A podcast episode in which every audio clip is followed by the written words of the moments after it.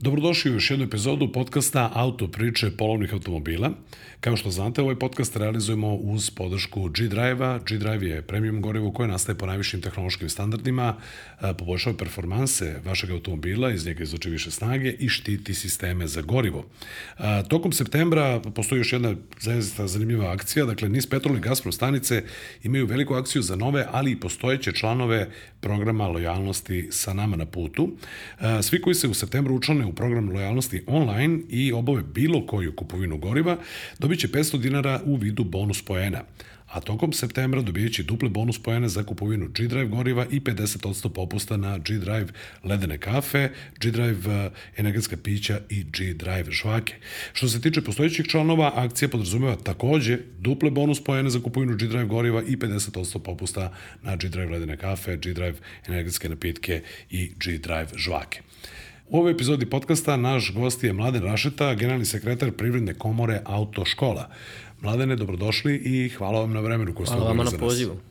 E, hajde da pričamo ovaj, o izmenama zakona, o tome gde se danas nalaze autoškole, ali prvo da na kratko predstavimo našeg gosta, to nam je nekako tradicija. Dakle, ko je Mladen Rašeta, otkud tu gde jeste? Pa ukratko, pre svega instruktor, ispitivač, pa tek onda generalni sekretar Privredne komore Autoškola Srbije, udruženje koje postoji već poprilično dugo i jedno od najvećih u Srbiji. Dakle, instruktor ispitivač uh, po opredeljenju ili je to nekako došlo Došlo je nekako, ovaj, tako, pre toga sam se bavio ovaj, drugim poslovima i e, za njih, eto, nekih 14 godina sam u ovoj branši. Mladene, prego što krenemo da pričamo o zakonu o bezbednosti saobraćaja u detaljnije, e, pomalo i čudno da pitam čovjeka koji upravo dolazi iz veoma važne branše koja obučava vozače, ali to je Stella Artoa 00 pitanje, a to je Stella Artoa za one koji ne znaju je sjajan način da uživamo u omiljenom ukusu, ali na veoma odgovoran način. A pitanje glasi kako vi lično vodite računa o bezbednosti u saobraćaju ne samo o sebi lično, nego i o drugim učesnicima u saobraćaju. Uvek bez alkohola u, u vozilo, uvek posmatram sve učesnike u saobraćaju, ne samo sebe, pazim na druge i najvažnija stvar da planiram šta će se dešava u narodnom periodu. Dakle, kao što, što bi rekli, skup je, vožnja je skup predviđenja događaja. Tako je, predikcija, što bi rekao jedan profesor koji je bio kod vas. Predikcija, dakle, dobro predviđajte i nemojte piti alkohol. I, Bez alkohola uvek. I naravno poznajte propise. Taksi je tu ako se popije. Tako je. E, nedavno smo gostili u našem podcastu e, predstavnik udruženja, transportera koji govori o izmenama zakona e, koje se odnose na pomeranje starostne granice za profesionalne vozače i sad jasno je da našoj zemlji fali vozača, veliki broj profesionalnih vozača, ali kako se vama e, kao nekome ko se bavi obučavanjem e, kandidata čini ova odluka, pogotovo po pitanju bezbednosti saobraćaja?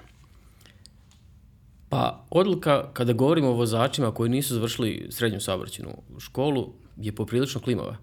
Jer oni će u autoškoli dobave nekih 15 časova, eventualno 20, plus još kad budu ovaj, polagali za CPC, još neki 20 časova praktične obuke, mi ćemo dobiti vozača kamiona koji nema iskustva više od 40 časova vožnje, koji odmah može da sjedne u vozilo i da vozi.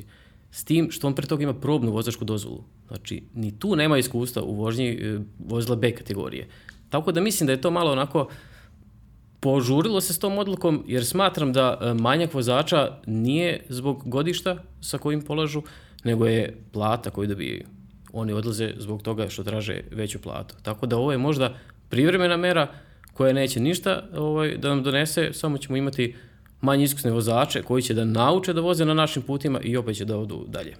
E, mi smo u prethodnoj epizodi podcasta upravo sa gospodinom Aleksićem pričali o tome kako će to izgledati, da su on izrazio uh, snažno uverenje da neće biti toliki problem zato što prosto poslodavac bi morao da vrši selekciju, pod jedan, i pod dva, uh, da zapravo uh, i po direktivama Evropske unije bi je neophodno da taj vozač se zapravo upozna, upozna jedno vreme sa vozilom, da stiče praksu tu starijeg vozača. Da li to zapravo primenjivo u praksi?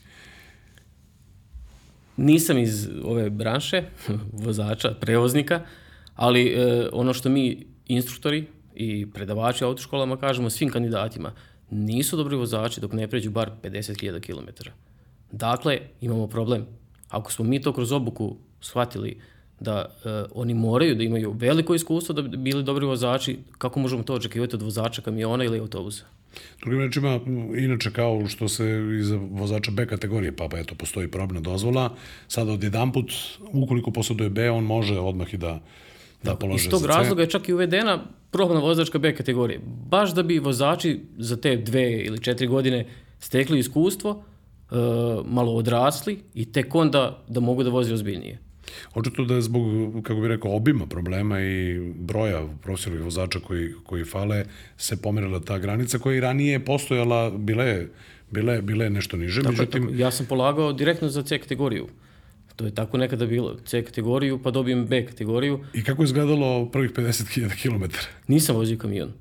I ovaj, stvarno mislim da nisam bio dovoljno iskusan nakon dobijene dozvole da ja vozim neki veliki kamion. Ja se samo nadam da ne je istina negde između. Dakle, između vašeg stava i između stava gospodina Aleksića, odnosno da to zaista neće biti rizik po bezbednost na, na, na putovima, da zaista imamo ogroman deficit tih vozača. Ovo to mogu da se složim. Inače, u jedno lično iskustvo, ja sam pre, eto, nepune u ovom trenutku, da, četiri godine, a, iz službenih razloga, pa iz razloga upravo YouTube kanala polovnih automobila, položio sam za C. I hteo sam čak da položim i za CE. I imao sam sjajnog instruktora koji, ne bih sada da reklamiram, ali sjajnog instruktora za koga kažu da je obučio pola Beogradskog gradskog saobraćenog ovaj, prevoza iz jednog ovde gradića u blizini. Ovaj, pretpostavljam da je iz konteksta jasno ko je. Od prilike. Dobro, možemo van, van ove snimka i da, da popričamo o tome. Ja sam recimo seo a, za volan i bilo je, jel ti Miki znaš da ćeraš? Znaš, ajde da vidim, ok, dobro ćeraš i idemo. Ja sam to položio iz prve. I sve je to ok i smatram sebe iskusnim vozačem koji zaista za, iza sebe ima ogroman broj kilometara. Nisam nakon toga seo da, da vozim kamion, ali se i meni desilo da u tim prvim koracima, pa čak i u nekim kasnijim časovima, prosto mora čovjek da stekne kako bi rekao, neku rutinu, jer to nije isto kao automobil, dakle pričamo o manjem kamionu koji je dovoljan za polaganje C kategorije, prosto njegova fizika je drugačija, sve vreme se voze zadnji točkovi, on nije brz kao, kao, kao vozilo B kategorije kada se uključuju saobraćaj, prosto anticipacija događaja u vožnji mora da bude na drugačijem I iz nivou. toga fali iskustva. Dakle, Ja mislim da smo u problemu. ja se nadam da nećemo biti pre svega zbog bezbednosti u saobraćaju, ovaj, ali kažem, nadam se da je istina negde između. Dobro, kad smo već kod zakona, ovoga puta nije bilo velikih izmjera, da tako kažemo, u vašoj branši.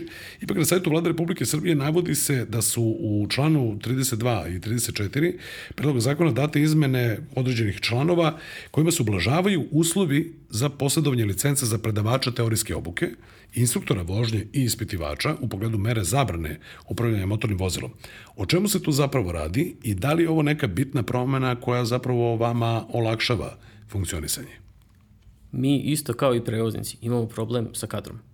Naši instruktori su u suštini i vozači profesionalci. Oni takođe za platom odlaze da voze kamione, autobuse, kao i vozači sada trenutni profesionalci. E, problem kod ovih odredaba je bio da ukoliko dobije zabranu upravljanja, na primjer, na mesec dana dobije zabranu da upravlja određenom kategorijom, on naredne dve godine nakon isteka te kazne ne sme da se bavi poslom instruktora. Što znači da se on više nikada neće vratiti u tu branšu. Jer on propušta i seminare te dve godine i naravno da će umeđu vremenu da nađe neki drugi posao. Kad nađe drugi posao, više se ne vraća ovamo. To nam samo u toj situaciji olakšava, jer to je bila od samog starta pogrešna odredba, jer za jedan manji prestup da neko nema pravo da radi dve godine, to je van svake pameti. Ja mogu da kažem, logika mi, upućuje, logika mi upućuje da je to bila neka vrsta kazne. Aha, dakle ti se ponašaš na neki način neodgovorno, imaš zabranu upravljanja određenom kategorijom, pa ne možeš da obučavaš druge, ali očito je to bilo previše oštro. odrazilo je to se. kazna, kao i, i mnoge kazne u, u domenu obuke vozača, o tome ćemo i kasnije video sam šta ste pripremili. ok. A, vi ste početkom juna pokrenuli peticiju za, kako ste naveli, opstanak obuke vozača. Naveli ste da vaši zahtevi treba da omoguće da obuka vozača postane kvalitetna delatnost a, iz koje ljudi zapravo neće morati da odlaze, o čemu evo upravo pričamo. Um, dakle, da, ideja je da ljudi ostaju tu, da daju svoj puni doprinos i iskustvom, ovoj prosto društveno odgovornoj delatnosti po zakonu bezbednosti saobraćaja. Sa trenutno je stanje u autoškolama takvo da je pitanje koliko će još njih opstati, a posebno koliki će biti kvalitet obuke za u buduće, dakle koliko će moći kvalitetno, kvalitetna obuka da se pruži. Pa hajde malo da objasnimo našim slušalcima i gledalcima o čemu se tu radi. Vi kažete da ljudi odlaze iz ove branše, to smo evo, pre možda 30 sekundi pomenuli. Da li imate okviran podatak koliko fali predavača, ispitivača i instruktora u ovom momentu? Nemam, nemam taj podatak, stvarno. pokušavamo da, da sprovedemo neku anketu među članstvom, da, da ovaj, vidimo na čemu smo ovaj, sa, sa kadrom. Isto kao i kod vozača profesionalaca, tako i kod nas dolaze mladi, odlaze stariji. Sama anketa nije, e, e, sama ta peticija nije rađena zbog odlaska kadrova, rađena je isključivo zbog kvaliteta obuke. Samo iz tog razloga, 2009. kad menjan zakon, Ideja je bila da se autoškole uključe u proces donošenja propisa kako bi obuka bila kvalitetnija. Tada smo krenuli e, kao država i, i, i u neke e, procese od 5 godina, 10 godina planove, da mi bezbedno saobraćaj podignemo na više nivo i tako je sve to krenulo. Međutim, od tada mi ne učestvujemo u izradi propisa i jedna od glavnih stavki u toj e, peticiji jeste da mi aktivno učestvujemo u izradi propisa. Ne da nas pitaju kako bi mi hteli, nego da smo mi tu sve vreme u radnim grupama i da mi odlučimo o nekim stvarima što se tiče obuke. Da prosto, pretpostavljam, iz iskustva možete da utičete na neke stvari koje bi možda sutra bile nelogične, a onda ih treba ili ispravljati ili vi samo sledite uputstva. Kada, su, kada je pitanje bezbednosti saobraćaja, vi morate da shvatite da mi imamo hiljadu predavača u udruženju. Znači, autoškole imaju najmanje hiljadu predavača hiljadu predavača koji su završili fakultete, saobraćajne struke. Svaki dan, svaki naš radnik provede 8 sati koristeći, ja sam to računao, 78 procenata članova zakona o bezbednosti saobraćaja. Ako neko može da kaže kako treba taj saobraćaj odvija, to smo isključivo mi. Jer mi smo bez prestanka u saobraćaju tačno znamo šta nedostaje. A što tiče obuke vozača, nikad nismo pitani da mi odlučimo kako će se raditi ta obuka. Uvijek nam je neko drugi odlučivao o tome. Peticija je baš iz tog razloga. Kada se obuka vozača podigne na više nivo, mi ćemo zadržati i kvalitetne instruktore. Mi ne možemo da ih zadržavamo ako i oni neće da rade to što im neko drugi govori, nego hoće da rade onako kako su učili da rade. E, koliko je autoškola potpisala tu peticiju i šta se sad sa njom dešava? Šta je sledeći korak? Pa u suštini e, potpisala je negde oko 300 autoškola. Nisu to autoškole potpisivale, to su potpisivali radnici. Mhm, -huh, to je na nivou fizičkog lica. Uh, to je negde malo manje 2000 uh, potpisa je trenutno peticiji. Nismo mi velika branša, nema nas mnogo, ukupno nas ima možda 4500 u, u celoj Srbiji. Uh, tu peticiju želimo da iskoristimo kao neku vrstu pritiska na, na ljude koji odlučuju o propisima da nas uključe u to. Mi ne tražimo previše, tražimo samo da uvek budemo u radnim grupama. Ne kao neki spoljni saradnici, nego da smo tu aktivni i da se naša reč sluša baš iz onog razloga što sam rekao da smo mi non stop u saobraćaju. Malo čas ste pomenuli da ne da donosite odluke, ali da budete prisutni prosto da bi mogli da ukažete što kažu, sa bukvalno živim iskustvom. Sa, ne moram ja da donosim odluke, ali moraju naši predlozi da se prihvataju onako uh, uh, sa, sa razlogom. Sad smo imali, na primjer, uh, to je baš ukrenulo u dobrom smeru trenutno, na javnim raspravama u decembru kada su bile, prihvatili su neke naše predloge, dobro smo ih argumentovali i to je ekstra. Kad bi se tako saradnja nastavila, sve bi bilo bolje. Mi prethodnih 10 godina ništa nismo radili po pitanju bezbednosti saobraćaja. Jako malo. A treba sad da krenemo ponovo u novi period od 10 godina sa istim, potpuno istim premisama po pitanju obuke vozača. E, na što se odnosi član 307 zakona o bezbednosti saobraćaja na čijoj izmeni insistirate? Član 307 je dosta velik, ali jedna njegova odredba, jedan stav e, govori da ovlašćeno službeno lice, odnosno Ministarstvo unutrašnjih poslova, može da oduzme dozvolu za rad autoškole ako ne radi savesno ili na propisan način. E sad, reč savesno je široka. Odnosno, prepuštena definiciji i, i kako bih rekao, prepuštena je tumačenju. Zapravo... Tumačenju, apsolutnom tumačenju, proizvoljnom subjektivnom tumačenju mi želimo da taj stav, ne, ne kažemo mi da nama ne treba da uzeti dozvolu za rad ako smo stvarno loši, mislim, ima svakakih ljudi, jer nismo roboti. Ali ne možemo da dozvolimo da neko tumači da je nesavestan rad neka greška na koju možda odgovorno lice nije moglo da utiče. Ili je to nesavestan rad jedna greška nakon, na primjer, 20 godina postojanja. To ne može biti nesavestan rad. Dakle, da se malo preciznije definiše šta to tačno znači i kako se to tačno... Ne malo, utvrđuje. nego apsolutno precizno. Da, ja malo koristim Znači, ovako. bez tumačenja životi su u pitanju. Prvo, kad se jedna, jedna autoškola uzme dozvola za rad, ne radi najmanje jedan mesec, a nekada i po 3-4 meseca. U pitanju su ljudi koji tu rade. U pitanju su uh, ljudi koji rukovode tom školom vlasnici, finansijska sredstva su u pitanju. A druga stvar, u pitanju su kandidati. Znači, ako se njima prekine obuka na jedan mesec, to je kao da nismo ništa radili. A mi želimo da imamo kvalitetne kandidate. Ne možemo da imamo na taj način. Znači, to oduzimanje dozvole mora da ide samo pod određenim uslovima, baš kad smo kriminalci. Sve ostalo, ja mislim da je to pogrešno. Dakle, preciznija definicija i kriterijumi kako se zapravo... Jasno definisan, dolazi do toga. tačno se zna. I mi smo to čak i uradili. E, Privredna komora Srbije je osnovala jednu radnu grupu pre korone otprilike, gde smo mi skoro dve godine svake nedelje dolazili sastančili prepravili kompletan propis e, u, u oblasti obuke vozača, prilagodili evropskim direktivama i taj član 307 prilagodili. Sve, baš sve po propisima smo uradili, ali se ništa od toga nije uradilo.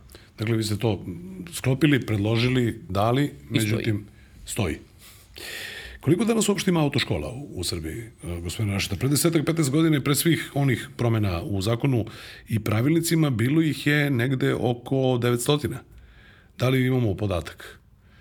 Koliko ih sada uopšte ima? 2012. bilo nas je malo, bilo nas je 300, pa rastemo, rastemo, rastemo. Sada smo došli do broja od preko 700. Ne znam tačan broj, nisu svi u udruženju, tačan broj bi mogao da kaže neko iz ministarstva unutrašnjih poslova. E, Da li su danas autoškole, e, ovaj, da li one zapravo ispunjavaju uslove u pogledu opreme za vozila? Dakle, kada pričamo o, o poligonima, to je pre nekoliko godina bilo ustanovljeno kao, kao pravilo. Dakle, da li su i to danas najveće prepreke u funkcionisanju. Sećam se, meni je bilo šokantno kao podatak da kao, aha, ili škola mora imati svoj poligon ili mora da ide na određeni poligon, a ranije to postojalo, evo ja sam iz Beograda, pa na Novom Beogradu je bilo malo, malo na nekom parkingu gde su se mogli da se steknu uslovi i bio neki poligon i onda je to dodatno uozbiljeno. Dakle, sećamo se perioda od 2012. do 2018. nije bilo primene, primene odredbe koje se odnose na poligone i Evropska direktiva ne predviđa obavezne poligone. Samo kod nas je ta, tako, šta možemo da kažemo, koji je, koji je komentar? Od 2012. do 2018. poligoni su bili obavezni, ali ne svi elementi poligona. Od 2018. sad I postali nagib, obavezni još dodatna dva elementa. Kretanje pod ručom i tako dalje. Jeste, jeste. E, I pre 2012. se obučavali kandidati i isti su vozači kao i sada. E, ja lično smatram da učiti kandidata da parkira na poligonu je pogrešno. I Zato smatram, zato što nije realno, nema druge prepreke. Nerealno. On gleda samo da ne nagazi liniju, što je uslov za, za pad, barem je pre bilo. Dakle, ako, ako što kažu čepa liniju, ovaj, a to nisu realni uslovi zato što nije vozilo oko njega, nema drveta, nema žbuna. u svemu kad se radi po pitanju vožnje je iskustvo bitno. Ako kandidat hiljadu puta parkira na potpuno identičnom mestu, da li on može da parkira samo jednom negde u gradu? U većini slučajeva ne. Znači, to je greška. I mi insistiramo da može da ostane poligon ako baš neko želi, ali i ispit nek se radi u realnim uslovima. Na taj način ćemo mi i naše instruktore naterati da oni izvuku obuku s poligona u grad. Pre 2012. svi smo učili da parkiramo u gradu. I šta nam fali? Samo smo bili bolji. Dakle, možemo da kažemo da i danas najveća prepreka u funkcionisanju jeste na to, to kako izgleda taj poligon. Poligon nije prepreka tolika. Poligon je prepreka za velike gradove. Da, zato što ne može tek tako da se ne može da se nađe, posebno u Beogradu je problem. Da. Ne, ne mogu da nađu poligon blizu autoškole. To se neka zna putovati po pola sata, 40 minuta, samo da se dođe do poligona. Od tog, te obuke onda nema ništa. Ja verujem da vi znate, ako ja ne grešim, jedan od glavnih poligona je na Novom Beogradu baš kod uh, arene, pored autoputa. Ja znam da tu kao na traci Mislim prolaze, da više nema tamo poligona, da su ga... da su Sad, prolazio sam sada, vidim da, da nema vozila autoškole. Tamo dole u prizemlju. Tu, tu dole postoji neka perionica, pa sam ja tu bio da. nedavno, pa sam vidio da je u toku bilo Pa polaganje. da još, da, da. Meni je logično da i dalje tu poligon, ali hoću da kažem, dakle, i dalje postoji ta obaveza, a u velikim gradovima, kažete, to je problem. U manjoj sredini verovatno ne toliko. Manje više, da. Nije, nije toliko. Najveća prepreka u obuci, trenutno, najveća prepreka su zakonski okviri i cena po kojoj radimo. Dođemo i do toga. E, Kako biste ocenili kvalitet obuke? A, Danas, a, prosto, da li je previše 40 časova teorije i prakse, da li je generalno preobimna obuka i da li je ceo sistem prezahtevan? Ili pak mislite da, da je potrebno još? Kako je vaš Nije stav? potrebno, nije potrebno još 40 je časova praktične obuke u 95% slučajeva sasvim dovoljno da se nauči. U određen broj slučajeva i previše. Zavisi od kandidata do kandidata. Isti slučaj i sa teorijskom obukom. Možda da bi izašli u susret kandidatima nije loše to malo korigovati, smanjiti, jer samim tim smanjimo i cenu, ali e, stari sistem kad se radilo 20 časova praktične obuke bio je klimav. Ovo je sad idealno. Kad bi nama dozvolili da mi skratimo pojedinim kandidatima zato što su dobri obuku, to bi bilo još bolje. Da li bi to onda značilo da, da bi ta, ako je, kako bi rekao, talentovan kandidat, da bi onda bilo jeftinije jer ima manji broj časova? Tako je, tako je, naravno, to, to je to. A kvalitet obuke, dakle, danas u odnosu na to, nekada smatrate da je, da je upravo tim povećanjem broja časova dobijeno Povećao se kvalitet? kvalitet. Kvalitet, e, pre svega se povećaju kvalitet i teorijskom obukom, jako bitno da to prođu kandidati. Nekada su autoškole same držale te časove pre nego što se uđe u vozilo, jer to mnogo znači instruktoru, olakšava mu, a i kandidat je već spreman zna šta da očekuje kada se pojavi u saobraćaju. A ova, i samim tim na predavanja mogu da čuju stvari koje su bitne. Od 40 časova nek zapamte samo 5 minuta bitnih, jednom ćemo značiti to u životu. E, Je najveći problem kod pra, e, teorijske obuke je taj e, što su oni obavezni da budu na svakom predavanju, što je jako teško izvesti, pošto su naše grupe sa kandidatima od 16 do 60 godina, ne možemo mi da ispratimo sve na, na pravi način. I drugim rečima, pošto po, ne samo po starostnoj strukturi, nego nismo svi isti, jel tako? Nismo Kao individue, pa neko kapira Neko brže, treba neko više kapira... da ide na predavanje, neko manje. E, neko teže uči polaganje e, teorijskog ispita, neko lakše. To je još posebna tema, pitanje za teorijski ispit, to je onako Kako vam se čini polaganje prve pomoći? Da li to ima smisla? e, nekada se polagalo samo uz dva pitanja na teorijskom ispitu. E, sada smatram da je to okej, ako su predavanja kvalitetna. Ne moraju da traju satima, dovoljno da traju pola sata, sat, ali da se kaže ono osnovno, što je bitno da, da kandidat zapamti kad dođe u tu neku situaciju. Mogli biste vi da pitate, na primjer, nekom anketom vozača koliko puta su otvorili komplet prve pomoći. Pretpostavljam da je malo oni koji su to uradili. Možda su otvorili da bi našli zihericu ili nešto, ali da koriste prvu pomoć, redko ko. A i onda se dešava kada otvore ovaj, da unutra ne nađu ono što bi trebalo da nađu, ali to je, To tema, je- to je tema za posebna drugu. tema, Treba da nam dođe ponovo Damir Okanović. Jeste, ali bar da naučimo šta da radimo u slučaju nekog udesa, ima povređenih, šta ako se vozilo zapalilo, šta ako je teža povreda, da nešto prepoznamo da možemo da odreagujemo ispravno, bar jednim delom.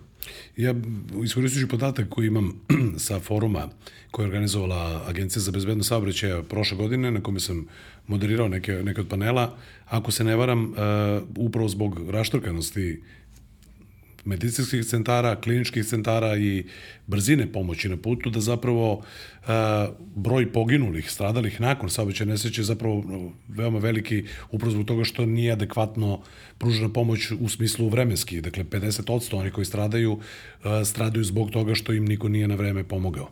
Ne zato što nije hteo, nego zato što prosto daleko je ustanova ili ne može da dođe iz lokalne samouprave uh, hitna pomoć ili imaju samo jedno vozilo, onda bi iz tog ugla bilo zaista korisno da Pod uslovom da se toga setimo. pod uslovom da se toga setimo. Pitanje koliko bi uslovom- naš, naše pamćenje radilo nakon 20 godina. I to je Možda tačno. periodično obnoviti. Da, možda bi trebalo zapravo imati periodične provere. Kao neka što je civilna zaštita. Pa imala Na vežbe. primer, na primer, ako baš hoćemo da imamo taj vid pomoći povređenima, onda bi možda trebalo to ponavljati. Ja nisam siguran da se mi, stari vozači, sećamo svega toga. Pa dobro, ali makar neke osnove, pa da kažemo, Ili u medijski da se prati to agencija dobro radi, mogli bi još malo da oni medijski e, puste to kroz, kroz etar, kako pomoći u kom slučaju, pa bi mi to ponovili. Imali smo ogromne promene u zakonskim odredbama i podzakonskim aktima koje se odnose na rad autoškole. Sad policiji je bilo stalo da ima sve pod kontrolom u smislu nadzora nad polaganjem teorijskog dela ispita. A, kako taj sistem danas funkcioniše? Pa nije bio problem samo u nadzoru na teorijskom delu ispita. Problem je kompletnom nadzoru obuke vozača pre, prejak je, stvarno je prejak. Što se tiče teorijskog ispita, do 2016. je funkcionisalo na papiru kao što smo i mi polagali. Od 2016. polaže se online preko njihovog ISO sistema. Ta polaganja su manje više jednostavno više ne mora da bude nijedan ispitivač u učionici, snima se video nadzorom, svaki ispit, e, čim se dobiju rezultati, kandidat zna da li je položio, nije položio i može da ide. Znači, nije sad to više toliko zategnuto. Više bi kod teorijskog ispita trebalo poraditi na izmeni pitanja, da ta pitanja ne budu pitanja besmislena, nego baš ona što su potrebna kandidatu. I da ne budu trik pitanja. Trik ima... pitanja su katastrofa, jeste, ima ih. Nisu to trik pitanja, slučajno su ispala trik pitanja. Nije, nije to neko namenski radio. Šta je, program nije dobro napisan ili, ili prosto tako, tako se desi? Zato što ako možemo da uđemo, ne znam šta je razlog. Istorija pisanja pitanja je onako malo teža, to je otprilike negde na mom početku ovaj, u ovoj branši krenuli su da pišu pitanja zajedno i autoškole, i ministarstvo unutrašnjih poslova, i profesori iz fakulteta i sve. Međutim, otišlo se daleko, profesori i autoškole su htjeli da ta pitanja imaju smisao, a s druge strane nije bilo vremena da se dođe do smislenih pitanja I na kraju se ta saradnja prekinula i neko je uzeo zakon, član po član i pitanje kako jedan stav, jedno pitanje, jedan stav, jedno pitanje. Mi smo dobili pitanje koje su... No, one su često formulacijom takva da je, da je teško ovaj, ko, ko nije pravnik, je, morat će se potruditi da... je pitanje, jeste, da. Ja mogu da potvrdim iz ovog svog polaganja za C kategoriju da je to bilo onako baš kao da čovjek čita bukvalno to jeste član iz zakona. Kod vas u emisiji je bio profesor Krstolipovac, uh, on je baš pobornik toga da ta pitanja imaju smisao. Ne mora test da bude težak da se uči mesec dana, nego test treba biti takav da kad neko položi teorijski ispit, on se svega toga seća. Tako to je, je osnova. Da mu ostane, da mu ostane prosto zabeleženo zato što je ispričano i verbalizovano. Ništa mi nismo zapravo. uradili ako on to naučio i za dva dana je zaboravio. Da. Što kažu, zadovoljuje formu. Kad smo kod tog zadovoljenja forme, ja tada kad sam polagao za cep, tu se šetao policajac iza i u jednom trenutku onako krene meni glavom levo desno i ja kažem, ali evo ga, ovaj, prošao sam, ovaj, zeleno je. On kaže, pa zeleno je, ali nije sve tačno bilo. Mislim. da, da. Zadovoljavanje forme u, u, u našoj struci ozbiljan problem. Mi ne želimo to. Mi želimo vozača.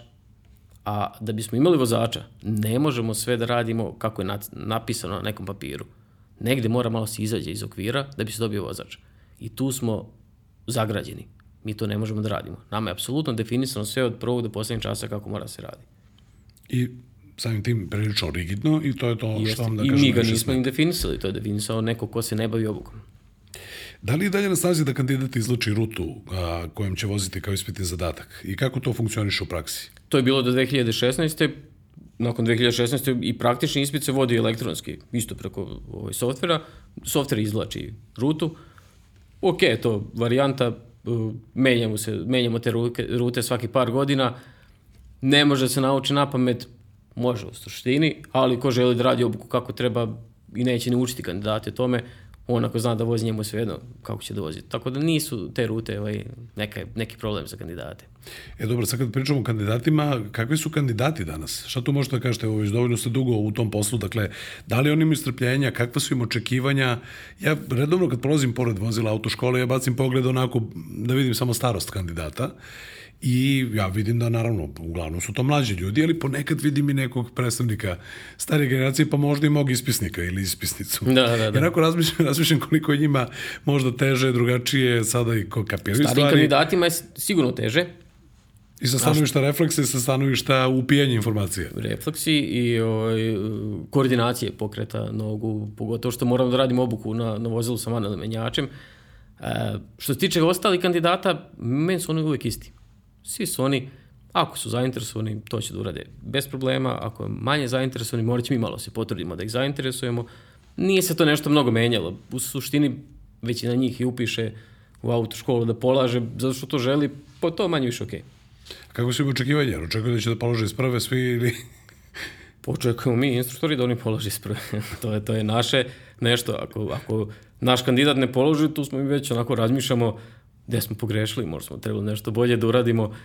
Trudimo se mi, većina instruktora taj posao radi zato što stvarno to voli.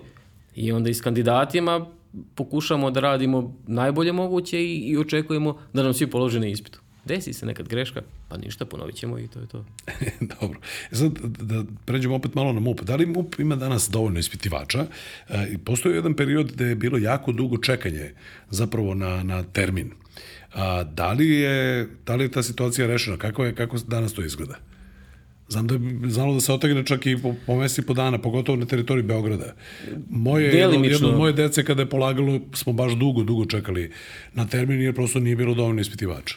Delimično to rešeno. Zaposlili su oni više ispitivača, sad ima manje kandidata, pa smo se našli na sredini negde. I dalje se u nekim gradovima čeka, a u nekim gradovima se više ošte ne čeka. To sve zavisi, periodično je to, nekad se upiše u određenim periodom puno kandidata, pogotovo kad mediji počnu da pričaju o ceni obuke, onda se upiše puno kandidata, onda je, onda je gužva, onda se čeka, pa onda to zatiše bude posle toga, pa onda nije gužva.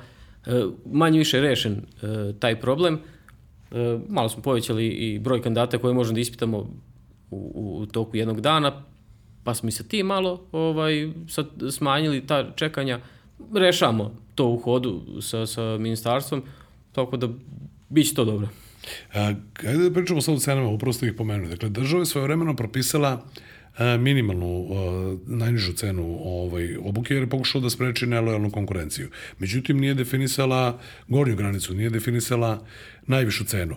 Um, cena je otišla i na pa preko 1000 evra.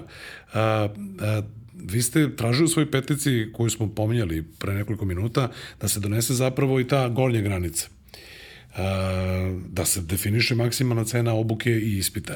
I takođe da cena bude ista sa uračunatim porazima, da je ista prema krajnjem korisniku bez obzira na njegov, da kažem, PDV status.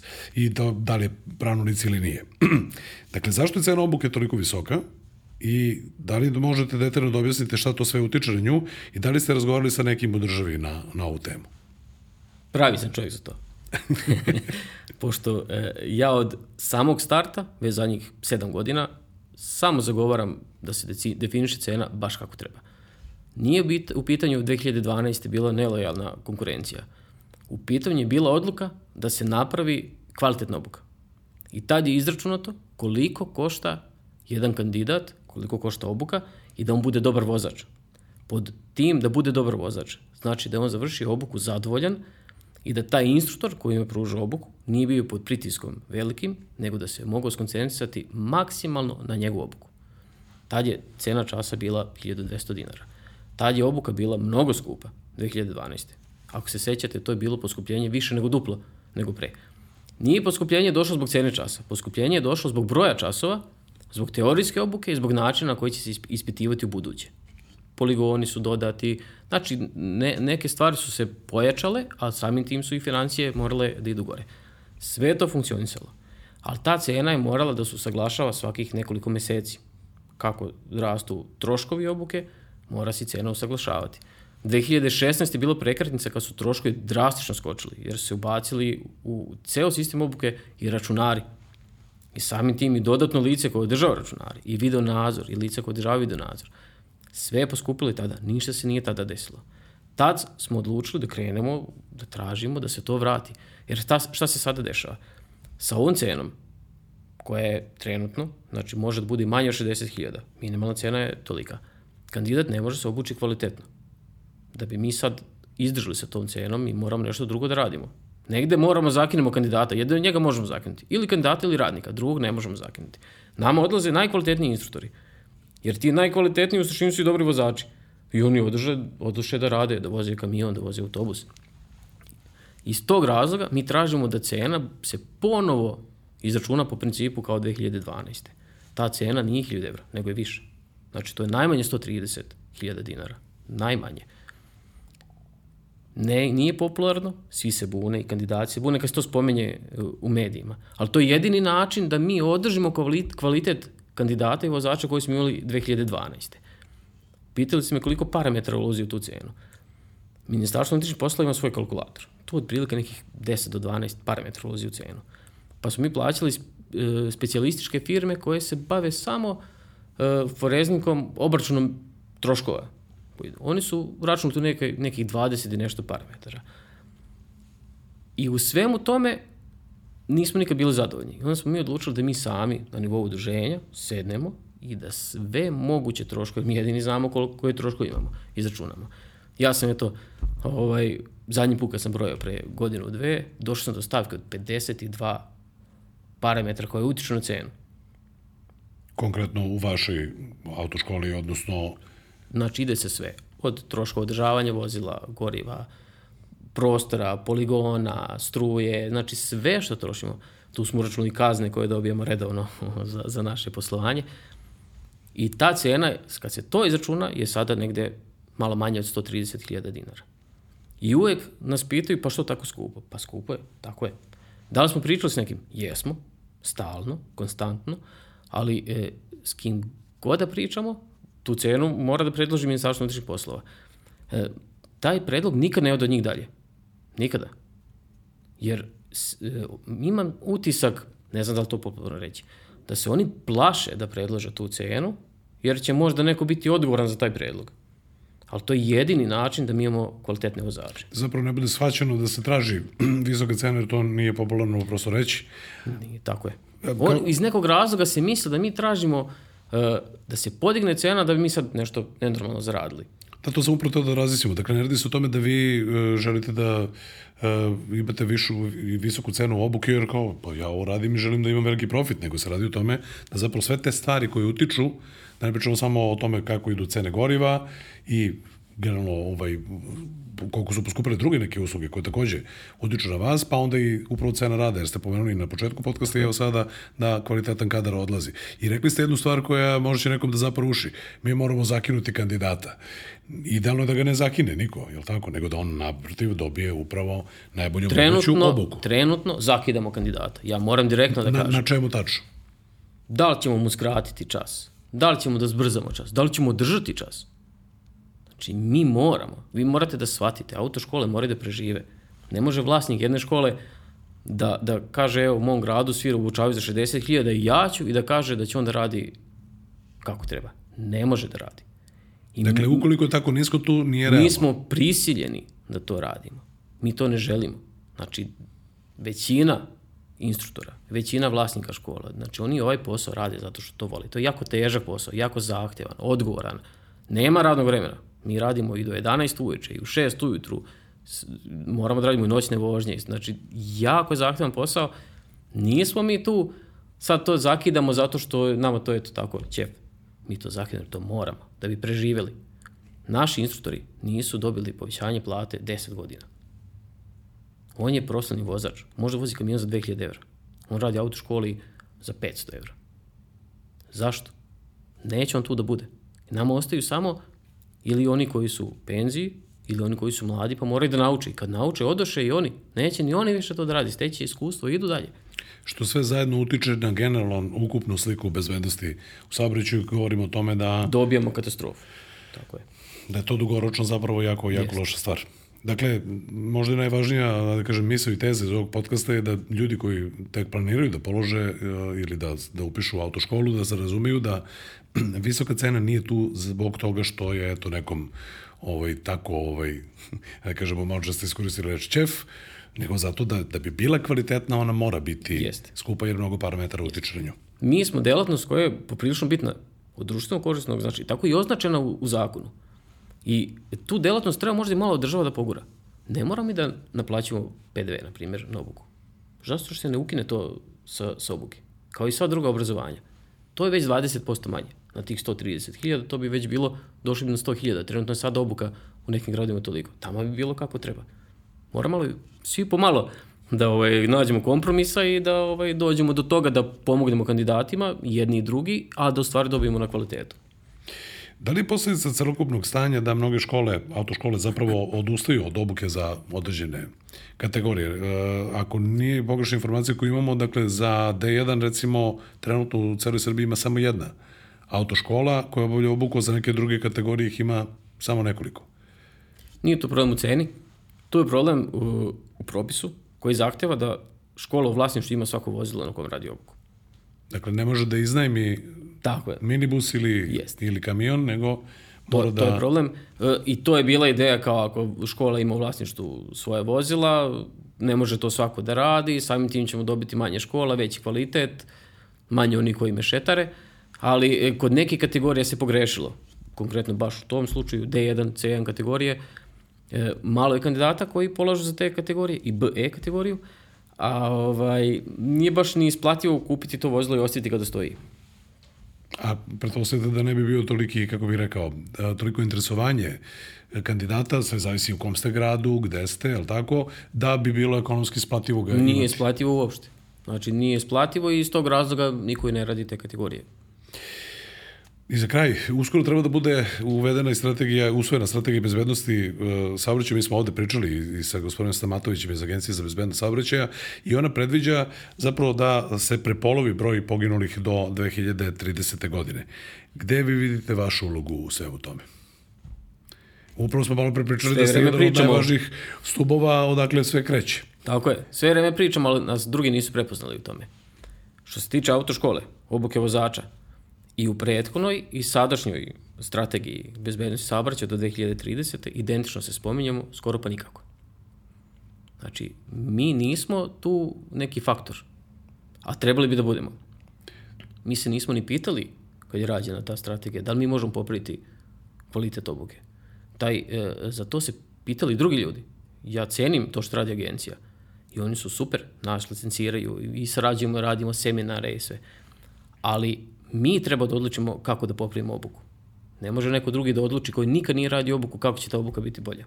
Između redova čitam da se vi posmatrate iz ovog ugla, pogotovo sa stanovišta MUMPA, kao jedan servis koji obavlja posao, pritom se radi o privatnicima koji Nažalost, mogu biti, mogu biti je. ovako i onako, a zapravo ne smatrate se aktivnim učesnikom, a bilo bi neophodno jer to je prvi korak. Velika je žalost što to nije tako. Mi bi trebali da sarađujemo svi zajedno. I Ministarstvo unutrašnjih poslova, i agencija, i autoškole. Mi bi trebali da budemo jednaki i da zajedno odlučujemo o tome.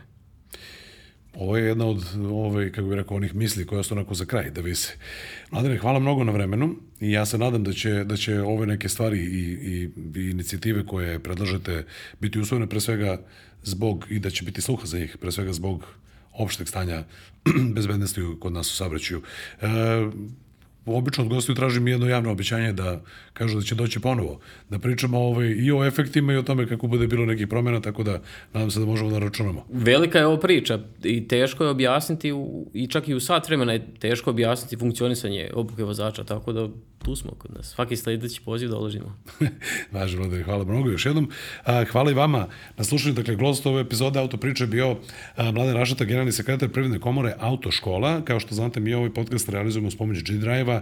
G-Drive je premium gorivo koje nastaje po najvišim tehnološkim standardima, poboljšava performanse vašeg automobila, izlače više snage i štiti njegove sisteme za gorivo.